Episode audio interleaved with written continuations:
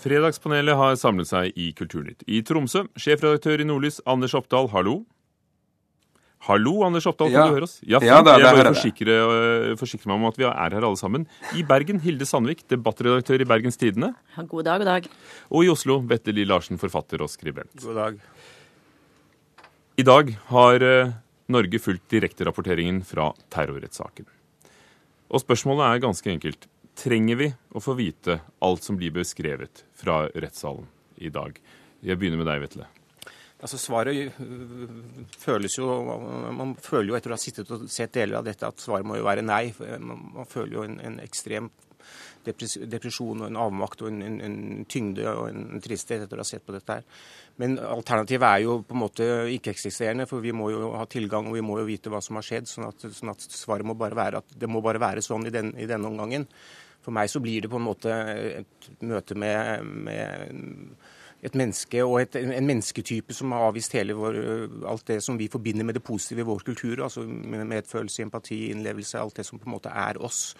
Og, og Som sådan så blir det også et, et slags møte med den nattsvarte siden av mennesket, rett og slett, som, som er skremmende og som alltid har vært der. Vi vet at det finnes, det fantes før, og det finnes eh, fortsatt. Så det blir også et, en, en påminnelse om dette. Men eh, hadde jeg valgt, så ville jeg helst ikke visst detaljene så mye som jeg nå har deltatt i dette som andre her i dette landet. Hilde Sandvik. Ja, For å utvikle det videre, så kan en si at hadde en valgt, så skulle en ha valgt alt dette bort. Altså alt det onde bort. Eh, og det er sterkt ubehagelig, det er sterkt, det er groteskt, det er svart. Eh, og da er det kanskje absurd når jeg da sier at jeg skulle for min del ønske at jeg òg hadde sett mer. Eh, jeg kommer ikke bort ifra det, selv i dag, at, uh, at det er noe med uttrykkene hans forsvinner. Det han, uh, måten han sier det på, uh, forsvinner fordi at TV ikke har lov til å filme. Nå kunne uansett ikke alt det som han har sagt i dag, ha blitt kringkasta rett ut. Men det er et savn fordi at alt blir filtrert og fortolka gjennom våre gode kolleger, journalister og kommentatorer eh, som intervjuer hverandre, eh, og som nesten blir på grensa til aktører i denne store og vanskelige saken. Anders Oppdal, som redaktør i Nordlys, hva tenker du?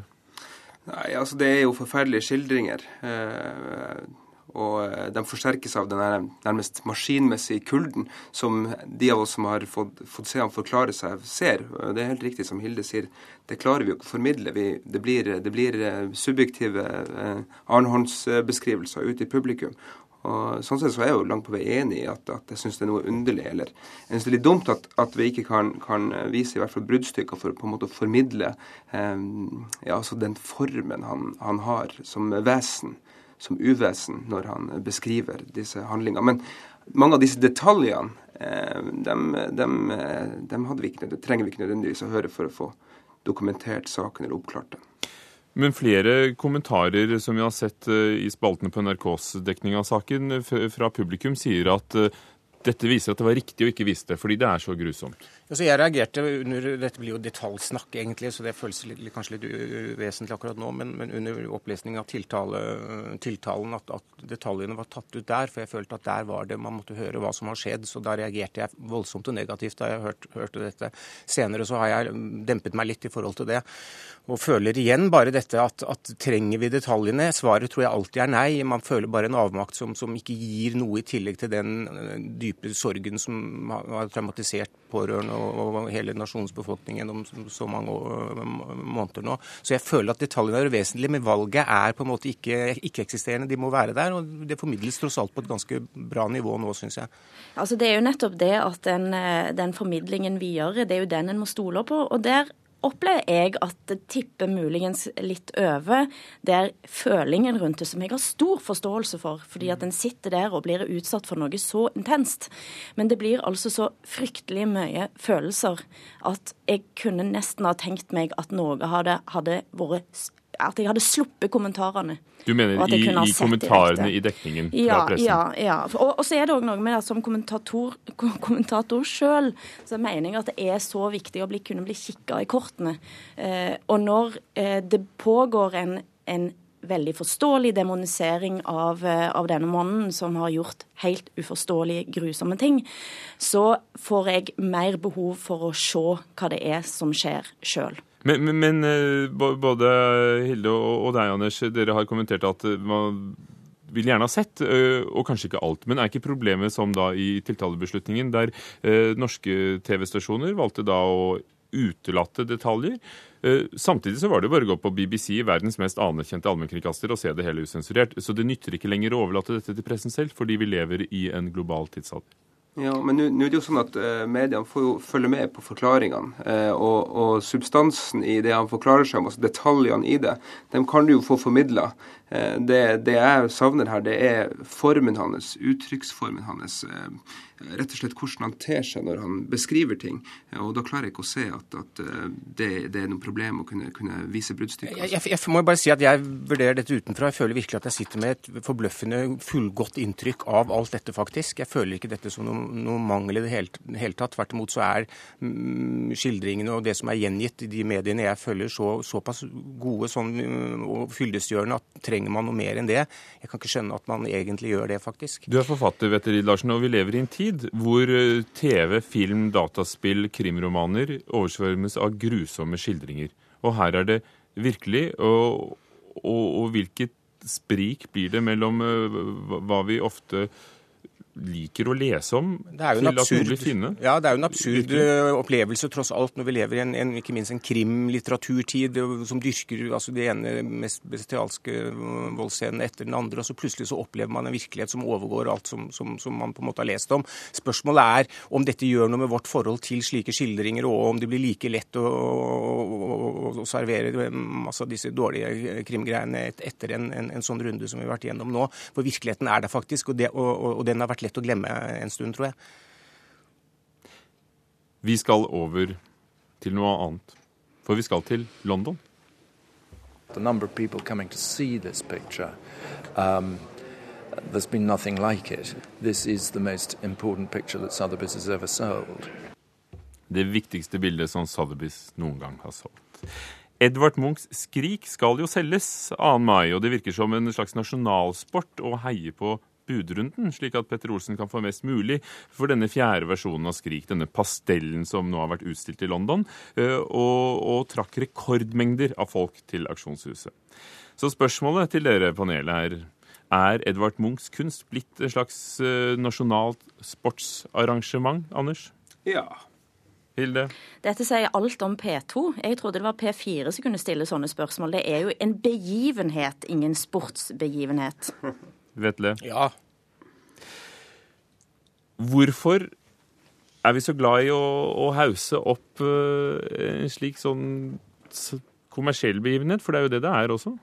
Det er ikke bare at vi hauser opp, men vi, vi, har på en måte fått et sånt instrumentelt forhold til kunsten hvor, hvor, vi hele tiden snakker om kunst som at kunstens verdi er andre steder enn i kunsten selv. F.eks. så er man begeistret for at Munch har skaffet, skaffet norgesreklame i Paris. Hva skal vi med den norgesreklamen? Jeg trenger den ikke. Det er ikke det som er kunstens verdi. Eh, det er ikke kunstens verdi ligger tross alt i verket i seg selv, og det blir like absurd da å være så opptatt av penger og, og hele dette styret som øh, Munch handler om noe helt annet. og det er en verdi verdi som alltid er der. og Derfor så blir det litt absurd, tross alt, da. Hilde? Ja, men dette er jo det kunsten på mange måter handler om. Altså, dette er kanskje verdens mest ikoniske bilde. Eh, nest mest kjent motiv etter Mona Lisa. Eh, det er i en tid der verdipapirer smuldrer opp, og det er noen bestandigheter igjen, bl.a. de største, virkelig største kunstikonene som er. Og det at en går mann av huset for å se et bilde altså Nå var det 5200 som, som hadde vært innom i London og, og stått i kø for å se uh, i løpet av noen få dager. Det er da altså i Storbritannia, der det sto i BT for ikke så lenge siden. Der er flere som går på kunstutstillinger enn på fotballkamper, faktisk. Eh, og jeg sto for ikke så fryktelig lenge siden i lang kø for å se Leonardo på National Gallery. Det var utsolgt. Og det at vi snakker om denne måten eh, om kunst eh, i, i, Norge, tenker jeg at det sier litt om den norske konteksten òg. Så da Anders Otta, er det kanskje riktig at vi bygger en ny stadion for Edvard Munchs kunst i Oslo?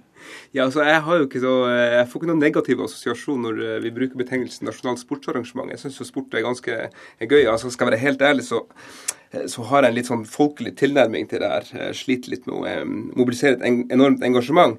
Og jeg syns det er litt artig at, at norsk kunst er oppe i kunsten, skal vi si, Champions League og, og hevder seg. og er har heller ingen problemer med at det blir solgt for fryktelig mye penger, så lenge ikke det havner på svenske hender.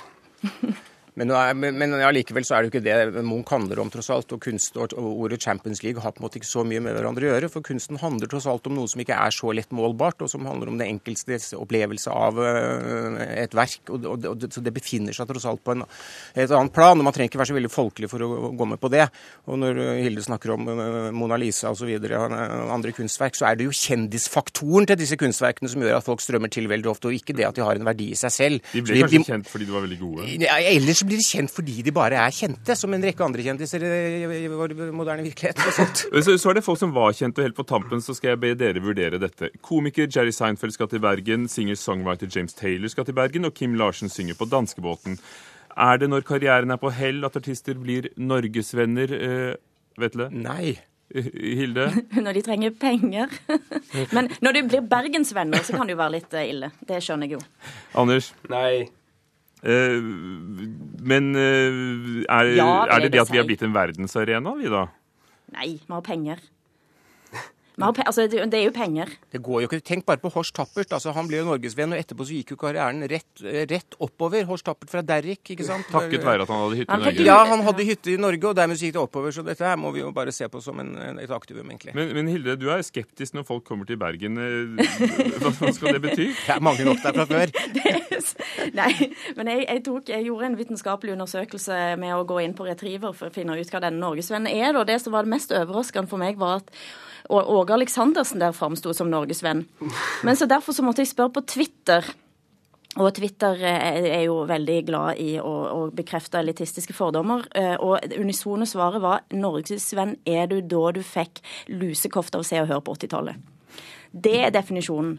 Ellers, de som kommer nå, det er som eh, Altså, det er, det er John Cleese, f.eks. Eh, Skilsmisseoppgjør trenger penger. Norge har penger. Men så er det òg selvsagt sånn at vi har et publikum. Anders, hvem kommer til Tromsø, og hvorfor kommer de? Ja, Vi hadde jo nylig besøk av Elton John, eh, og jeg vil vel neppe kalle han for en norgesvenn. Jeg tror også han, er, han, gjør det av finansielle årsaker. Jeg har litt problem, for å være helt ærlig, med å sette Jerry Seinfeld i samme kategori som Smokey og Bonnie Tyler. Vi snakker her om eh, verdens mest kjente standup-komiker. Han kunne, kunne, fylt en idrettshall midt i Nevada-ørkenen. Altså, så, så, for meg er denne definisjonen her litt, eh, litt, litt på hell. Og han velger seg Bergen. Takk for at dere Takk. kom. An Anders Oppdal Nordlys i redaktør. Hilde Sandvik, debattredaktør Bergens Tidende, og Vette Lid Larsen sin helt egen mann og forfatter her i Oslo.